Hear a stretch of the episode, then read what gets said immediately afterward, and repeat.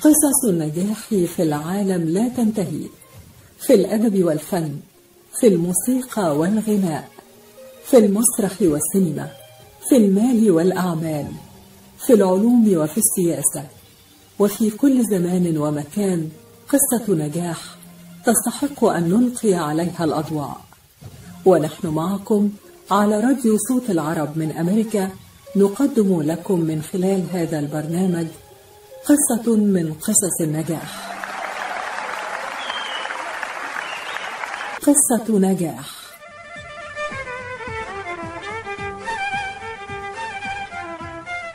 قصة نجاح من إعداد وتقديم مجدي فكري مستمعينا الأعزاء مستمعي إذاعة صوت العرب من أمريكا في الولايات المتحدة وفي كل مكان من العالم. أهلا بكم معنا في قصة جديدة من قصص النجاح. هذا البرنامج يأتيكم برعاية. أهلا وسهلا شرفتونا. تفضلوا على الأكل. ما في أحلى من جمعة الحبايب على السفرة بال weekend. wow شو طيب ورق العنب؟ مثل اللي بتعمله ستي. صحتين حبيبتي. والكبة كيف شفتيها؟ امم مثل ما بتعملها ستي. وشو رأيك بالكنافة؟ الكنافة؟ لا مش معقول. كنافة ستي. مأكولات زياد.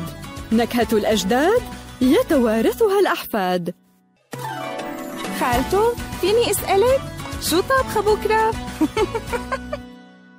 بين الأنقاض وركام الأبنية داخل خيمة شيدت على عجل بجانب سرير في مشفى ميداني. كانت منظمة الحياة للإغاثة والتنمية من أول الواصلين لمساعدة ضحايا زلزال تركيا وسوريا. وفي الذكرى الثلاثين على تأسيسها ما زالت تساعد ضحايا الزلزال والمتضررين من الكوارث الطبيعية في 36 بلدا حول العالم دون تمييز بين عرق أو جنس أو دين ودون اقتطاع أي رسوم إدارية على تبرعات الاستجابة الطارئة. تبرع الآن لتبث الأمل في حياة كثير من المتضررين والمحتاجين من خلال منظمة الحياة للإغاثة والتنمية التي تم اختيارها من أفضل تسعة مؤسسات خيرية حول العالم لعام 2022 تبرعوا الآن على الرقم 1-800-827 3543 أو زوروا موقعهم الإلكتروني لمزيد من المعلومات على www.lifeusa.org Life for Relief and Development حيثما توجد الحياة يوجد الأمل.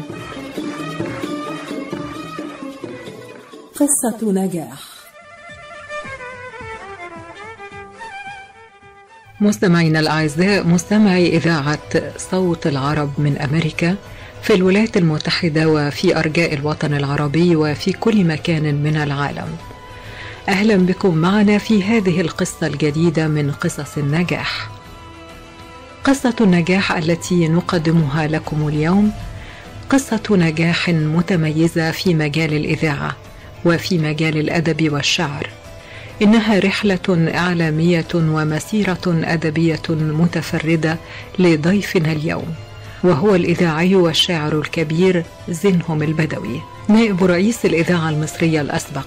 وأحد الإذاعيين القادرين والبارزين الذين ينتمون إلى إذاعة صوت العرب في الإذاعة المصرية حيث يسعدنا أن نتحدث معه اليوم في هذه الحلقة عن الإذاعة المصرية ورحلته الإذاعية المتميزة عبر ميكروفون الإذاعة السحري. ونحن نحتفل بعيد ميلاد الإذاعة المصرية التاسع والثمانين.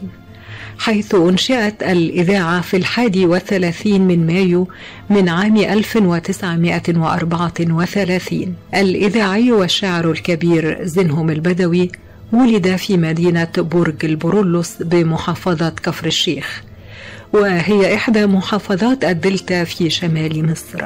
حصل على بكالوريوس الإعلام قسم الإذاعة والتلفزيون من كلية الإعلام جامعة القاهرة في عام 1980 وانضم لإذاعة صوت العرب عام 1989 والإذاعي والشاعر الكبير زينهم البدوي هو الأمين العام لاتحاد كتاب مصر ونائب رئيس اللجنة الدائمة للبرامج باتحاد الإذاعات الإسلامية وعضو مجلس إدارة اتحاد كتاب مصر وعضو مجلس إدارة رابطة الأدب الإسلامي العالمية مكتب مصر. شغل زينهم البدوي منصب المدير العام للإدارة العامة للبرامج الخاصة بشبكة البرنامج العام. والمدير العام لمركز التراث الإذاعي والمدير العام للتدريب العملي بقطاع الإذاعة وعضو لجنة تنمية الكوادر الإعلامية والتدريب بمجلس الأمناء باتحاد الإذاعة والتلفزيون. كما يعمل أيضا خبيرا في تدريس فن الإلقاء وتأهيل الكوادر الإعلامية في العديد من أكاديميات الإعلام ومراكز التدريب الإعلامية. وهو عضو لجنة التدريب الإعلامي بقطاع الدراسات الإعلامية بالمجلس الأعلى للجامعات. وزنهم البدوي أيضا عضو مجلس إدارة جمعية حماة اللغة العربية ومؤسس المرصد اللغوي بالجمعية. وعضو مجلس إدارة جمعية حماة المشاهدين والمستمعين والقراء. والشاعر الكبير زنهم البدوي أحد كبار شعراء العربية في مصر والوطن العربي ومن إصداراته ديوان عبير من الفردوس. ديوان من وحي المرارة. ديوان تباريح الغروب والرحيل. تجارب فريدة في دنيا القصيدة. مختارات شعرية ودراسات أدبية. وله تحت الطبع كتاب أقوال مأثورة. وقد حصل ضيفنا اليوم على العديد من شهادات التقدير والدروع من العديد من المؤسسات الإعلامية والعلمية والثقافية تكريما له وتقديرا لعطائه أهلا بك أستاذ زين. أهلا وسهلا ومرحبا.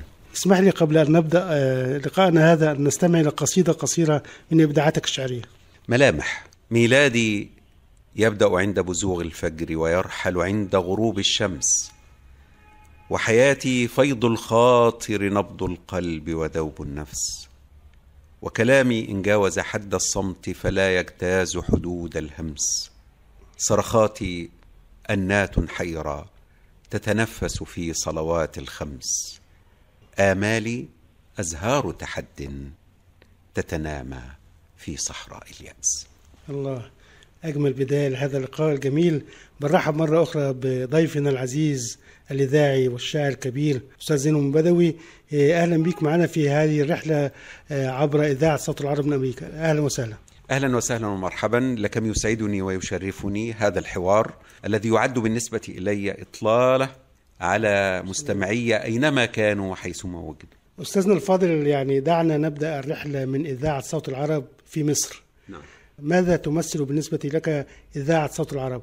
بكل تأكيد على أني أعتز بأن البدء بالنسبة إلي في رحلة العمل الإذاعي كان عبر شبكة الإذاعات الإقليمية حيث كان صوتي أول صوت ينطلق من إذاعة وسط الدلتا من طنطا بعد فترة إذاعية للتدريب بإذاعة الشعب ثم إذاعة الشباب قبل أن تصبح إذاعة الشباب والرياضة وإذاعة القاهرة الكبرى.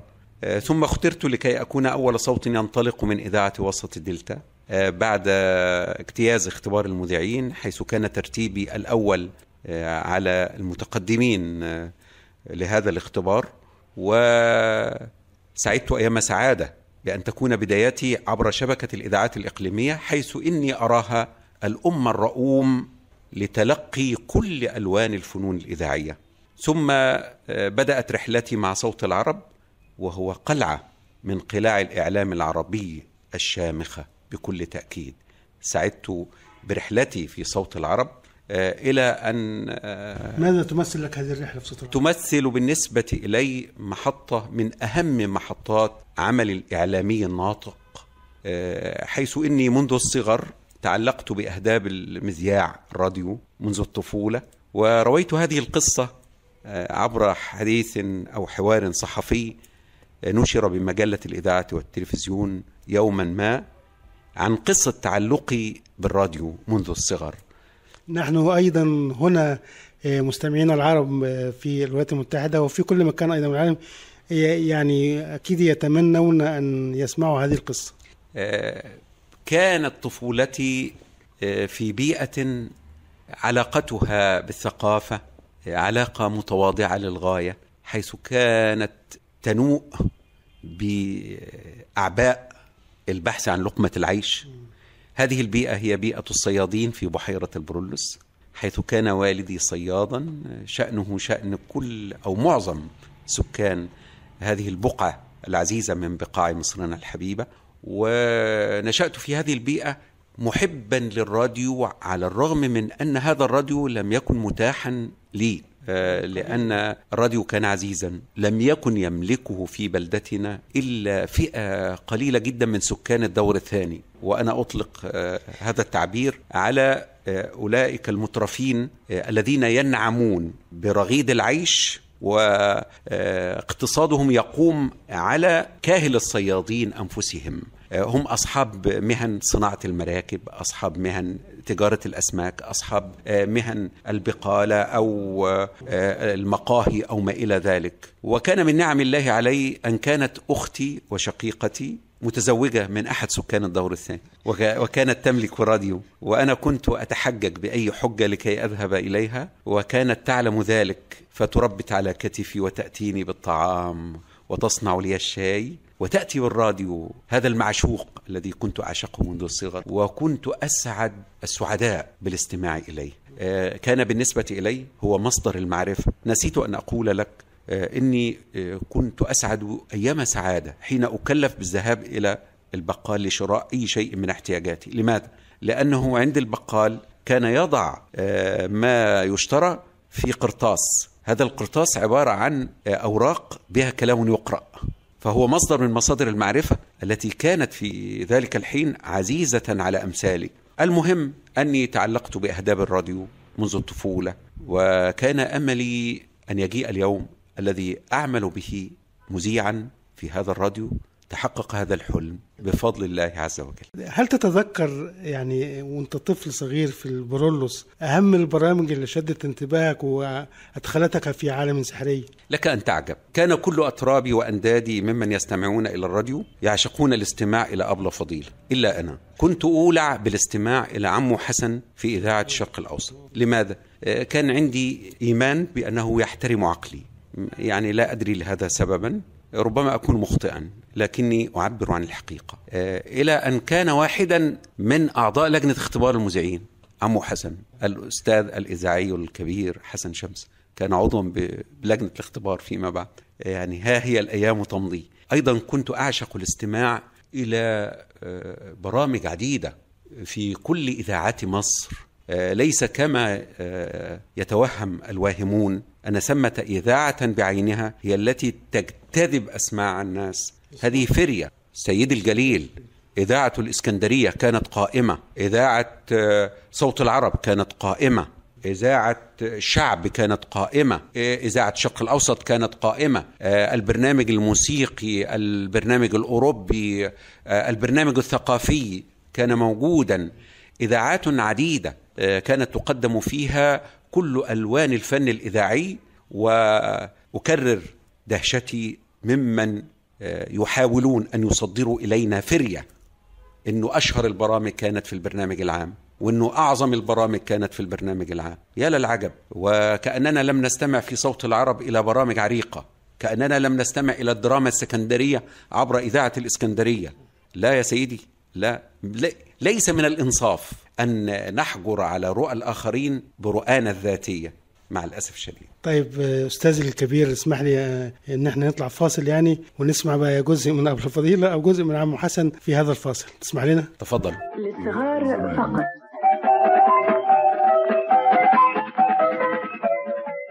أصدقاء الصغار مساء الخير.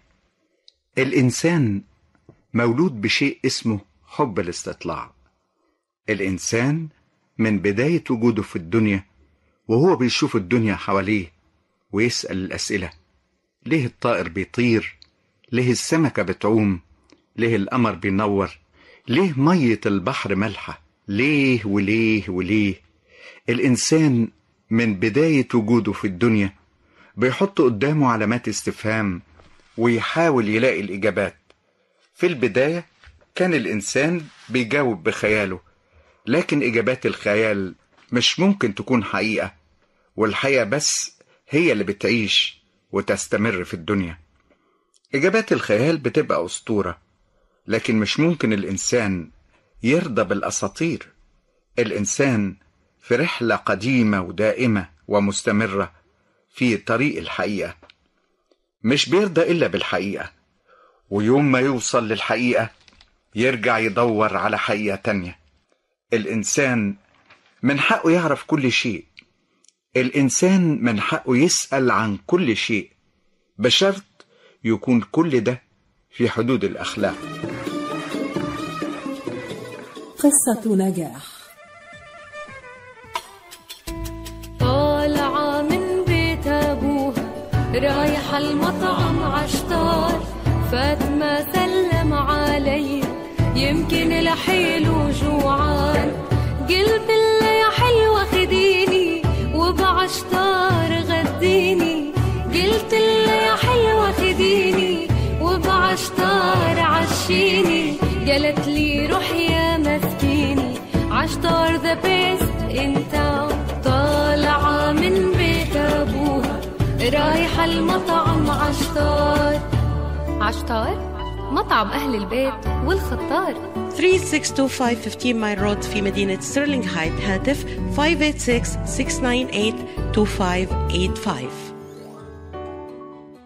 في المدينة الفاضلة يتبع جميع السائقين القواعد ويلتزمون بإشارات المرور. لن يحدث ما هو غير متوقع في هذا العالم المثالي. لن تضطر إلى ارتداء حزام الأمان لكن الحقيقة غير ذلك. في ميشيغان يموت كل عام أكثر من ألف شخص. بسبب حوادث السيارات ويجرح آلاف آخرون. لذلك فإن ربط حزام الأمان يقلل خطر الوفاة أو الإصابة الخطيرة جراء الاصطدام بنسبة 45% إذا كنت تقود شاحنة صغيرة اربط حزام الأمان فهو يقلل الخطر على حياتك بنسبة 60% لأن احتمال انقلاب الشاحنة الصغيرة يزيد بمقدار الضعف عند وقوع الحادث. وهل تعلم أن ثلاثة من كل أربعة أشخاص توفوا جراء انقذافهم خارج سياراتهم عند وقوع حادث الاصطدام لذلك وإلى أن يصبح العالم مثاليا اجعل عالمنا هذا أكثر أمانا. اربط الحزام. رسالة من مكتب ميشيغان لتخطيط السلامة على الطرق السريعة.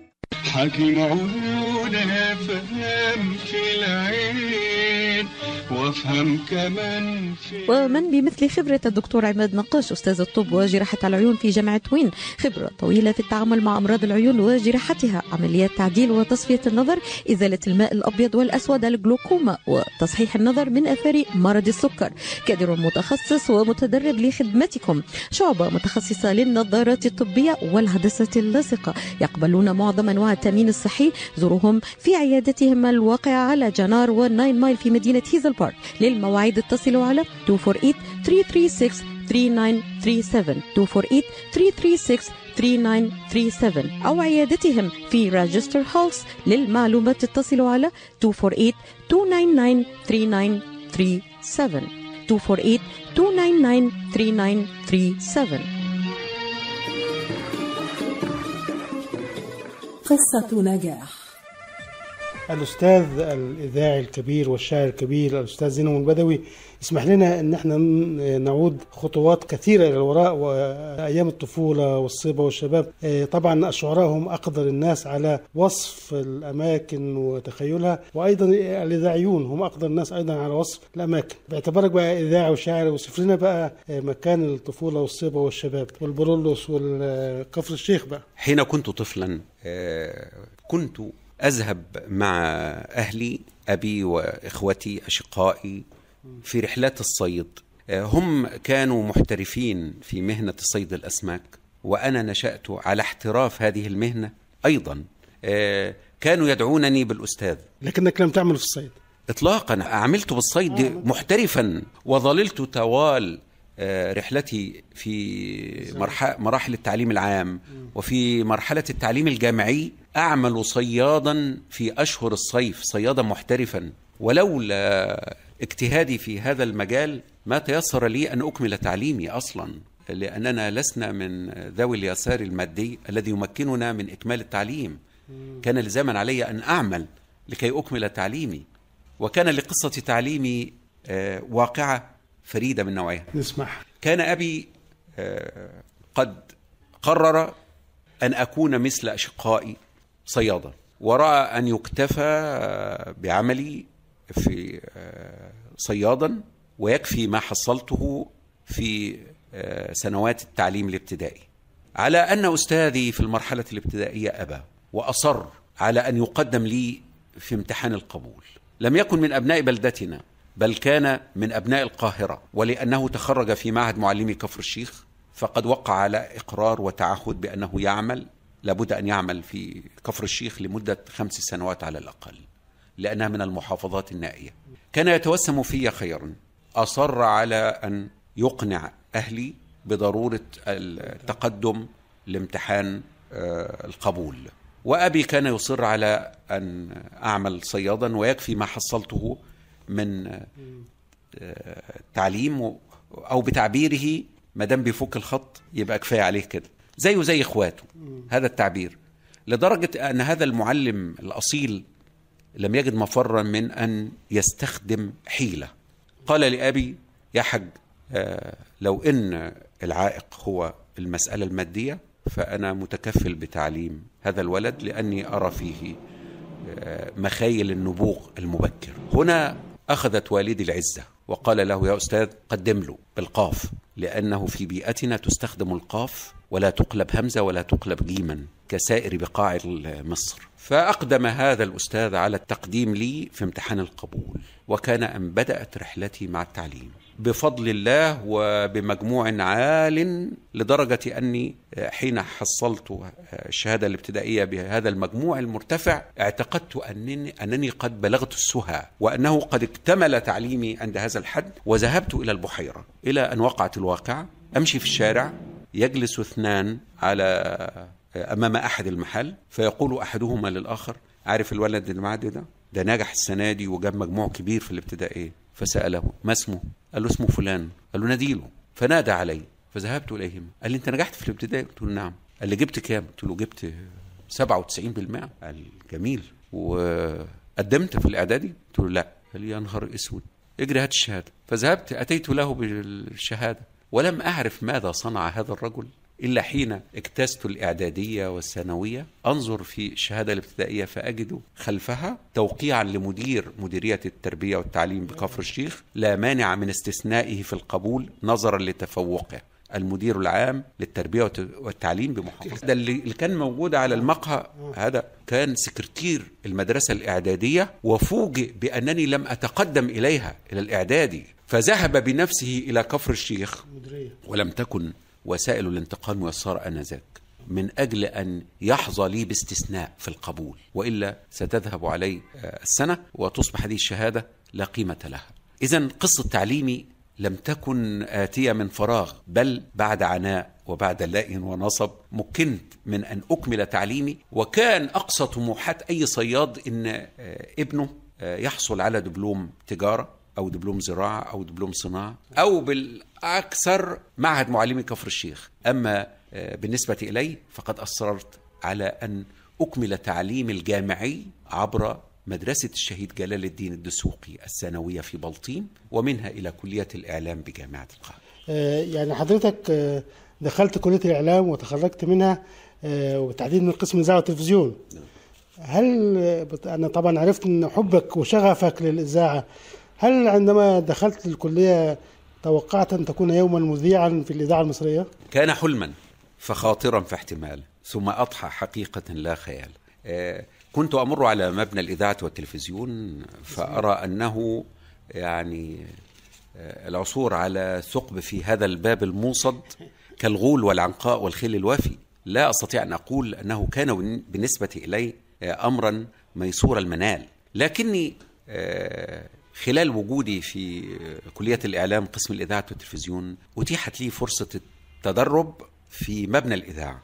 آه، ك- زعيم كمان. كان يدرس لنا الأستاذ إبراهيم وهبي ما يعرف بالصحافة الإذاعية. فانتقى منا خمسة أربع زميلات وأنا. وخلال الأيام القلائل التي أتيحت لي لدخول المبنى تعرفت إلى نجوم لمعت في سماء الخيال بالنسبة إلينا من كبار الإذاعيين. واقتربت منهم وتعلمت على أيديهم.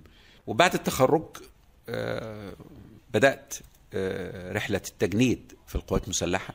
وخلال وجودي مجندا بالقوات المسلحة أعلن عن اختبار المذيعين فتقدمت إليه. وأنا يحدوني الأمل لكني لا أثق بأن النجاح كان ميسورا. لكن دخولك كلية الإعلام قسم الإذاعة والتلفزيون كان تخطيطا للالتحاق بالإذاعة. إحقاقا للحق. لم أكن أثق بأني سأحصل على مجموع آه، يمكنني من الالتحاق بكلية الإعلام في الصف الأول الثانوي صدمت حين آه، نبئت بأن معهد الإعلام قد تحول إلى كلية مع الأسف الشديد لماذا؟ لأني كنت كثير اللعب لكرة القدم فلا أذاكر كثيرا آه، على أني التحقت بالقسم الأدبي وهو أقرب إلى التناغم مع وجداني فأنا أحب اللغات وأحب العلوم الإنسانية. أكثر من ولوعي بالعلوم آه، التطبيقية أو العلوم البحتة أو الرياضيات أو ما إلى ذلك.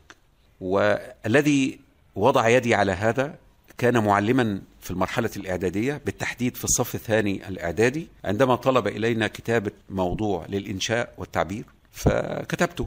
وزع علينا الكراريس وفرح كل زملائي بما حصلوا عليه من درجات إلا أنا لم يمنحني درجة.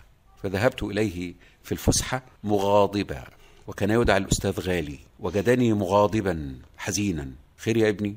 فقلت له يا أستاذ يعني وزعت علينا الكراريس الخاصة بالإنشاء والتعبير ومنحت كل زملائي درجات إلا أنا. فقال ائتيني بالكراسة. أعطيته إياها نظر فيها وأشار إلي انظر نعم لم أعطك درجة. ولكن اقرأ ماذا كتبت لك. نظرت فإذا به قد كتب عبارة أتوقع لك مستقبلا مشرقا. كانت هذه العبارة نقطة تحول. وضعت يدي على نقاط القوة لدي. قلت هذه سبيلي. نعم وهذا ميداني. من أجل ذلك التحقت بالقسم الأدبي. في السنوات العامة لم أكن أثق بأني سأحصل على مجموع يؤهلني للالتحاق بإحدى كليات القمة وفي الصدر منها كلية الإعلام. من أجل ذلك رتبت رغباتي على النحو الآتي كلية الإعلام جامعة القاهرة لأنها المكان الوحيد الذي يدرس فيه الإعلام في كل بقاع مصر. نحن أبناء الساحل تستهوينا الإسكندرية وليس القاهرة. على أني أكرهت على الذهاب إلى القاهرة. لماذا؟ لأنه لم يكن يوجد في مصرنا الحبيبة مكان يدرس فيه الإعلام سوى كلية الإعلام جامعة القاهرة. الرغبة الثانية كانت كلية الألسن جامعة عين شمس لدراسة الإنجليزية. الرغبة الثالثة كانت كلية الآداب جامعة القاهرة لدراسة الإنجليزية الرغبة الرابعة كانت كلية دار العلوم جامعة القاهرة لدراسة العربية. الرغبة الخامسة كانت المعهد العالي للفنون المسرحية. وباقي الرغبات حشو.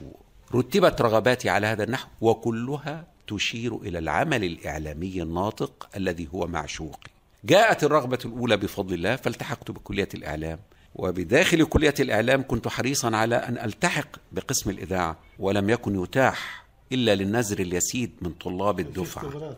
طبعا بكل تأكيد. لقد آه، وضعت شروط من بينها أن تحصل على تقدير جيد على الأقل في مواد أربع المدخل إلى الإذاعة اللغة العربية وآدابها الترجمة الصحفية مادة إعلامية بلغة أجنبية. بفضل الله حصلت على امتياز في إحداها. وجيد جدا في ثلاثة المهم حين أرادوا أن يطبقوا هذا الشرط علينا لم يجدوا هذا الشرط ينطبق إلا على أربعة فقط. فجعلوا الشرط هو اجتياز الاختبار. بفضل الله اجتزت الاختبار وأخذوا منا خمسين من الدفعة بأكملها. وكان عدد الدفعة ثلاثمائة وخمسين بالوافدين.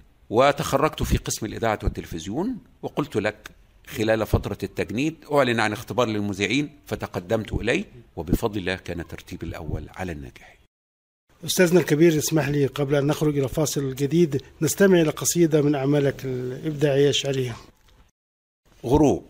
لم أعد ذاك الذي يرجى رضاه. كان صوت القلب والعقل صداه. كان روح الروح والدنيا فداه. ثم أضحى كل بدء منتهى لم أعد ذاك الذي يسعى إليه أو يمنى بالسهى بين يديه أو إذا شاء ارتمى في راحتيه فأنا الآن الذي راحت عليه. قصة نجاح. حاولنا كتير. خلينا نحاول كمان مرة الكلفة كبيرة والاحتمال ضعيف. يعني ما في أمل؟ للأسف حبيبتي.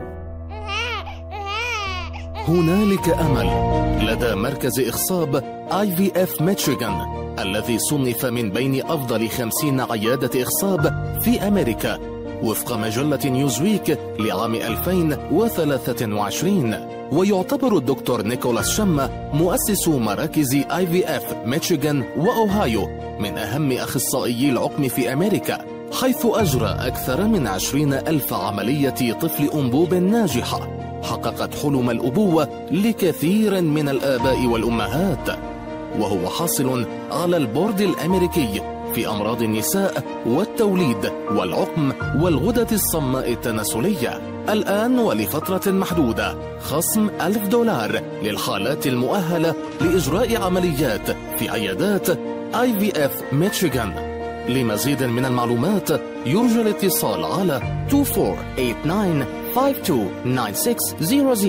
IVF أمل يولد من جديد.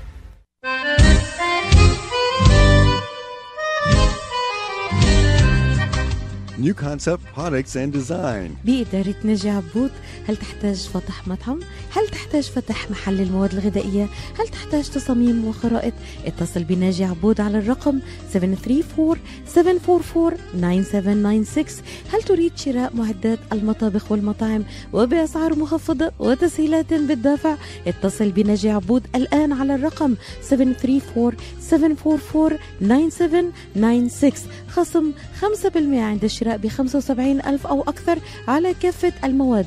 لمزيد من المعلومات زوروا موقعهم الإلكتروني على www.newconceptproducts.com أو زوروهم في موقعهم الجديد. 31185 Schoolcraft in Livonia. ناجي عبود العلامة المميزة في عالم المطابخ. هل تلقى أطفالكم أحدث نسخة من لقاح كوفيد 19؟ لقد تم لغاية اليوم تطعيم أكثر من 5.5 مليار شخص بلقاح كوفيد 19 وأثبتت النتائج أن اللقاحات كانت فعالة حيث قام الخبراء حول العالم بإجراء الاختبارات اللازمة ليكون اللقاح آمنا وفعالا. اللقاح لا يحميكم أنتم وعائلتكم فقط بل يحمي المجتمع كله. قوموا بواجبكم من خلال التحدث إلى مقدمي الخدمات الصحية أو زيارة michigan.gov/kids COVID vaccine. رسالة من وزارة الصحة والخدمات الإنسانية في ميشيغان. قصة نجاح. الإذاعي الكبير الأستاذ زينهم البدوي آه، نائب رئيس الإذاعة المصرية الأسبق. آه، حضرتك تدرجت في آه، العديد من المناصب داخل الإذاعة المصرية. حتى أصبحت نائبا لرئيس الإذاعة وهو منصب رفيع آه، القدر والقيمة داخل الإذاعة. كلمنا عن هذه المحطة الرئيسية في حياتك الإذاعية أو مسيرتك الإذاعية. آه، كما ذكرت آنفا بدأت آه، في الإذاعة المصرية بشبكة الإذاعات الإقليمية عبر انطلاق صوتي بوصفه أول صوت ينطلق من إذاعة وسط الدلتا في طنطا في صبيحة عيد الفطر عام 1982 آه، وبقيت بها حتى انتهاء عام 1983 ثم كانت لي تجربة في السفر خارج مصر. عملت بالصحافة الأردنية ثم الإذاعة العراقية إلى أن عدت إلى مصر في عام 1986 آه، عدت إلى إذاعة وسط الدلتا ثم آه، التحقت بإذاعة صوت العرب في نهاية الثمانينيات. وكانت تجربة سرية بالنسبة إلي. خلال فترة عملي مذيعا كنت أولع بتدريب زملائي والأجيال اللاحقة إلى أن عهد لي بتدريب بعض المذيعين من خلال الإدارة العامة للتدريب العملي بقطاع الإذاعة. آه، إلى أن رقيت مديرا عاما للبرامج الخاصة بشبكة البرنامج العام ولعلها أول مرة في تاريخ الإذاعة المصرية أن يرقى إذاعي من خارج البرنامج العام بالبرنامج العام. كان قرارا راديكاليا من الإذاعية القديرة إيناس جوهر. ثم طلبت إلي أن أتولى موقع المدير العام لمركز التراث الإذاعي مواكبة للعيد الألماسي للإذاعة المصرية بمناسبة مرور خمسة وسبعين عاما على إنشاء الإذاعة المصرية. ثم توليت موقع المدير العام للتدريب العملي بقطاع الإذاعة. ثم رقيت إلى موقع نائب رئيس الإذاعة المصرية هذا هو التسلسل. ومن خلال هذه المواقع صرت طبعا آه، عضوا بلجنة آه، التدريب والتأهيل للكوادر الإعلامية باتحاد الإذاعة والتلفزيون. والعديد والعديد من المواقع آه، والالتزامات ومنها محاضر بمعهد الإذاعة والتلفزيون ومركز تدريب بوكالة أنباء الشرق الأوسط وبقسم الإذاعة والتلفزيون بكلية الإعلام والعديد من أكاديميات الإعلام المصري. أستاذنا الكبير الإذاعي الكبير أستاذ زينو البدوي يعني أهم البرامج اللي حضرتك قدمتها خلال رحلتك في صوت العرب؟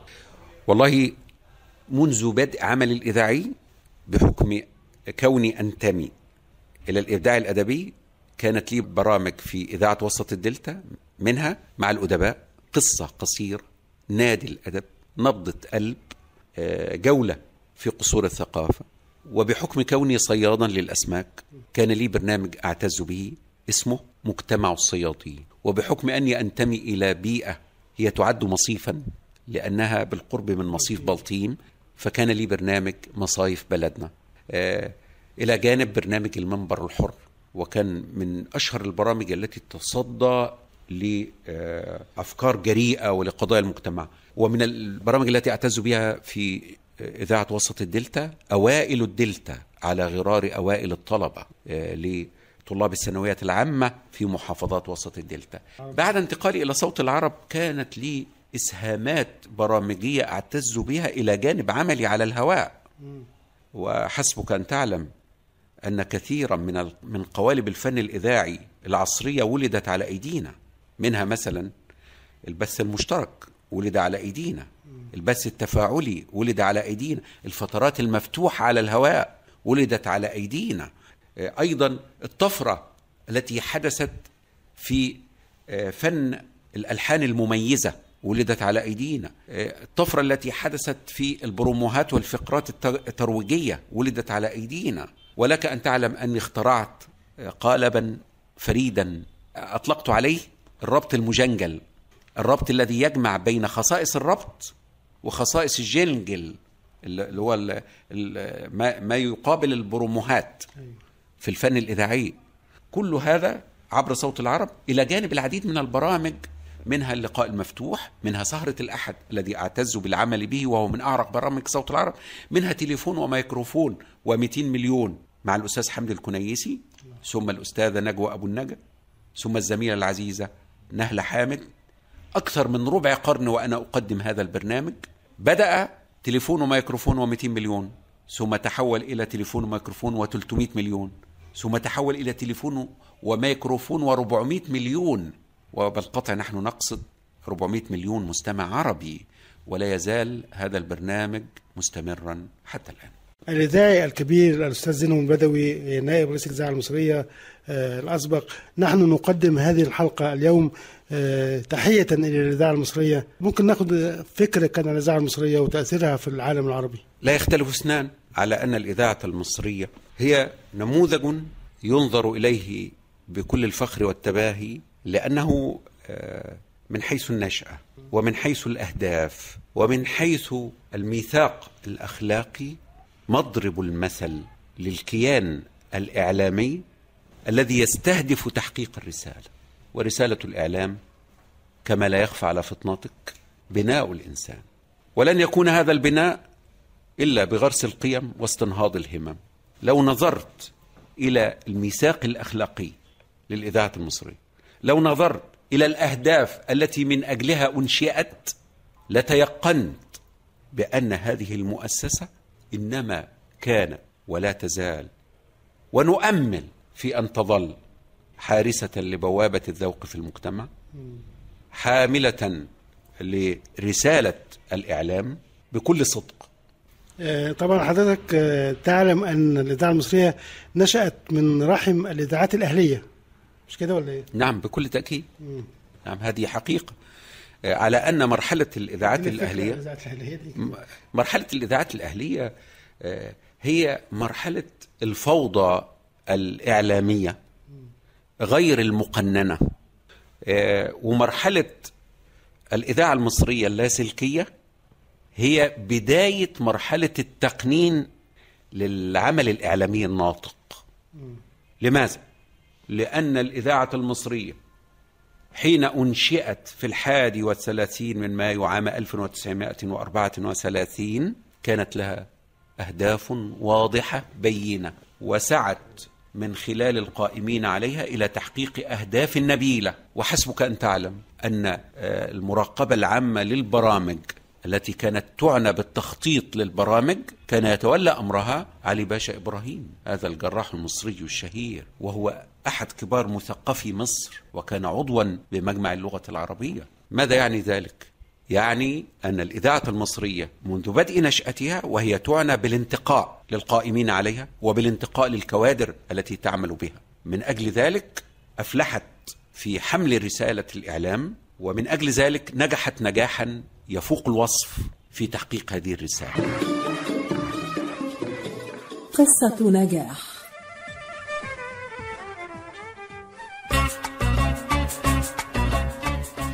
قشات Mediterranean Market بإدارة سهر قشات وأولاده. يرحبون بالجالية العربية والكلدانية. جميع أنواع المواد الغذائية ألبان طازجة الكرزات والبهارات الطازجة. داخل الأسواق مطعم Mediterranean شيش كباب يقدم يوميا جميع أنواع الكباب.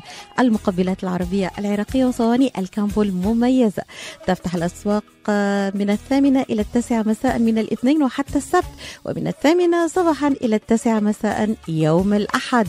تقع الأسواق على 32839 Northwestern Highway في مدينة فارمينغتون هيلز لحوم حلال للجالية الإسلامية لطلباتكم من المطعم call 248-538-7855 That is 248-538-7855 قشة Mediterranean Market خدمة متميزة ومعاملة راقية.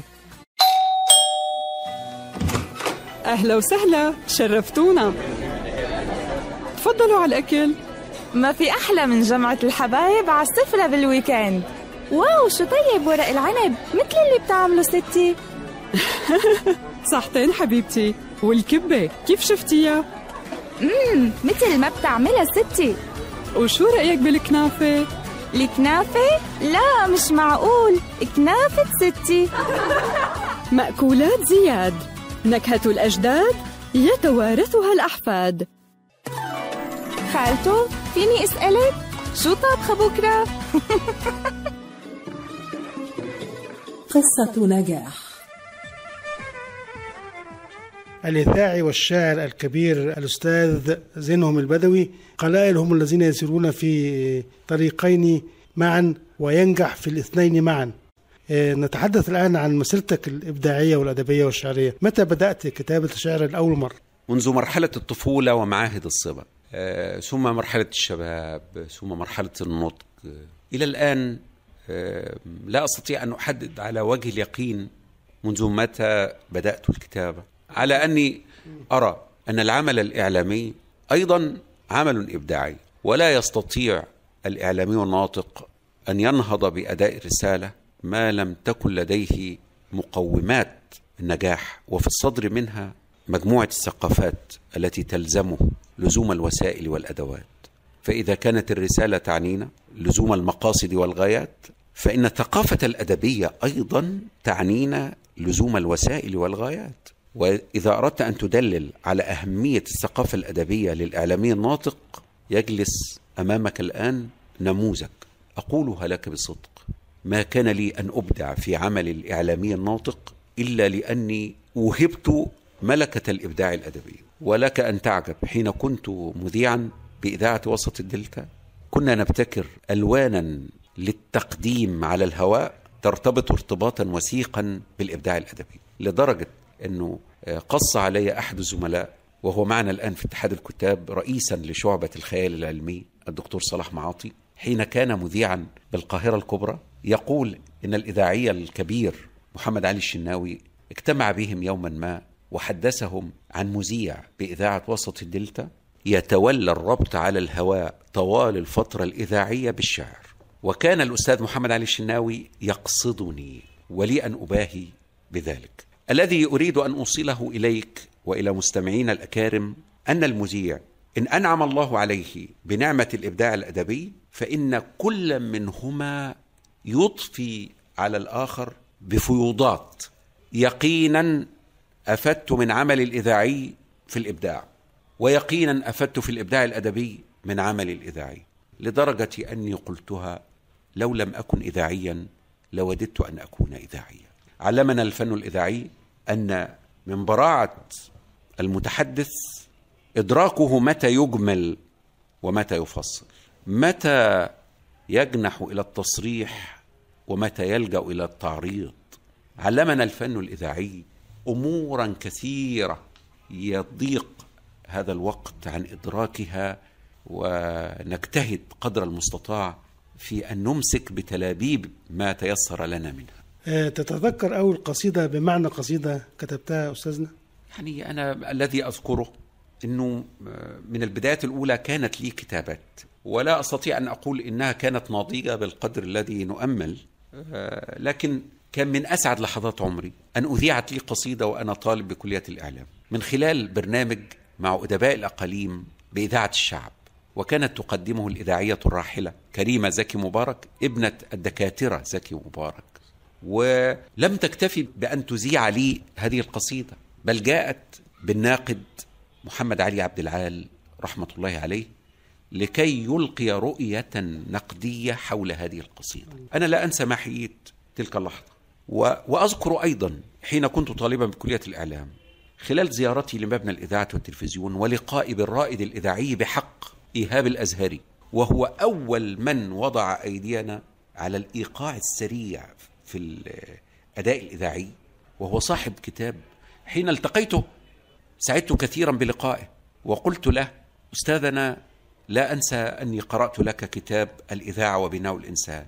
فهش لي وفتح درج مكتبه وأخرج كتابا آخر وقال وهذا هدية لك عنوانه الناس على دين إذاعاتهم. لم يكتفي بذلك بل نادى على أحد المذيعين يا صلاح. فجاءه صلاح. أتدري من هذا؟ إنه صلاح مصطفى صلاح الدين مصطفى الذي صار فيما بعد رئيسا للتلفزيون. آه فلان ويقصدني طبعا شاعر أرجو أن تدير معه حوارا في إذاعة الشباب. وقد كان وأدار معي حوارا آه، حول إبداعاتي آه، الأدبية وحول آه، عشقي للعمل الإذاعي. لا أنسى ما حييت. كل هذه الخطى على درب الحب للفن الإذاعي. الشاعر الكبير والإذاعي الأستاذ زينهم البدوي آه، حضرتك أصدرت عددا من الدواوين لكن بالتأكيد أول ديوان له فرحة خاصة وبهجة خاصة يعني. نعم هو عبير من الفردوس. هذا عنوانه. وكان أقرب إلى التحليق في آفاق علوية لأن معظم قصائده وليدة مرحلة الصبا وريعان الشباب ووليدة البيئة البرولوسية التي أراها لا ينبغي أن تنجب غير الشعراء وقد أنجبت. ثم جاء ديوان من وحي المرارة وهو يكاد يكون منصبا على الهم العام.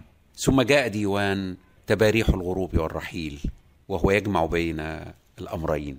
فيه آه، من الرومانسية وفيه من الهم العام. وأيضا مما أعتز به أيام اعتزاز تجارب فريدة في دنيا القصيدة.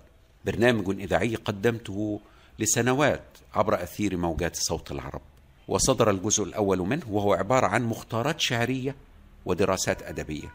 لكنه مختارات شعرية وفق المنهج الفريد الذي اختططته لنفسي منهج التفرد في التجربة الشعرية.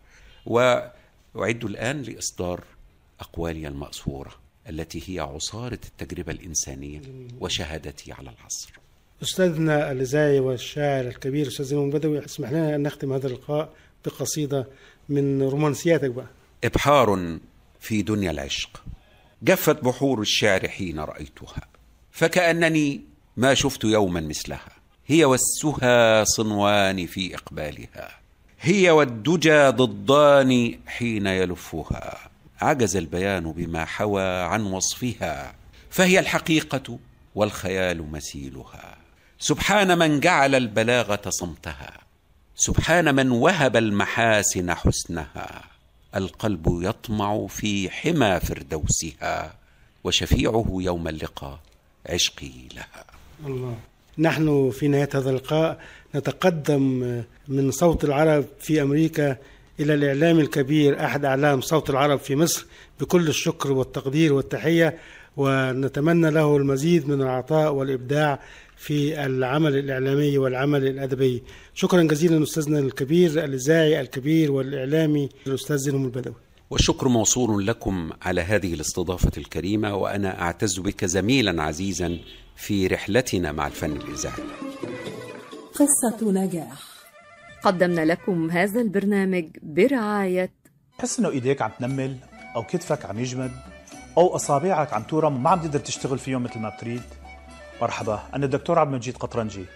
زورونا بموقعنا الإلكتروني www.kachanjihandcenter.com لتتعرفوا على كيفية العلاجات لإصابات اليد والكتف والكوع. وإن شاء الله تقدروا تشاركونا بافتتاح مركزنا الجديد في تروي ميشيغان. ونتمنى لكم العفو والعافية.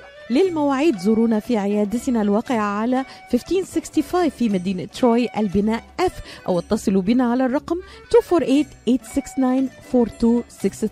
That's 248-869-4263 هل تعاني من ألام في المفاصل أو العظام؟ هل جربت الأدوية دون فائدة؟ هل تفكر في إجراء عملية؟ انتظر الحل لدى مركز Top Rehab للعلاج الطبيعي جهاز SoftWave علاج جديد غير جراحي يستخدم الموجات فوق صوتية لتحفيز الجسم على بدء عملية الشفاء وتوليد أنسجة جديدة في مجالات جراحة العظام الكسور العناية بالجروح وعلم الجمال دون جراحة أو تخدير وقت علاج قصير نتائج سريعة طويلة الأمد تستخدمه العديد من المراكز البحثية الطبية والرياضية الرائدة في أمريكا. الآن حصريا في ميشيغان لدى مركز Top Rehab للعلاج الطبيعي. احجز جلسة تقييم شامل لحالتك بواسطة جهاز Soft Wave وبرسوم رمزية. اتصلوا الآن على 313-846-0555 Top Rehab Physical Therapy بإدارة أخصائي العلاج الطبيعي الدكتور محمد فرح حسين بخبرة أكثر من 20 عاما. اتصلوا الآن واحجزوا 313-846-0555 شكرا لكم مستمعينا الكرام وإلى اللقاء مع حلقة جديدة وقصة جديدة من قصص النجاح. شارك في تقديم هذه الحلقة منال زيدان. قصة نجاح. قصة نجاح من أعداد وتقديم مجدي فكري.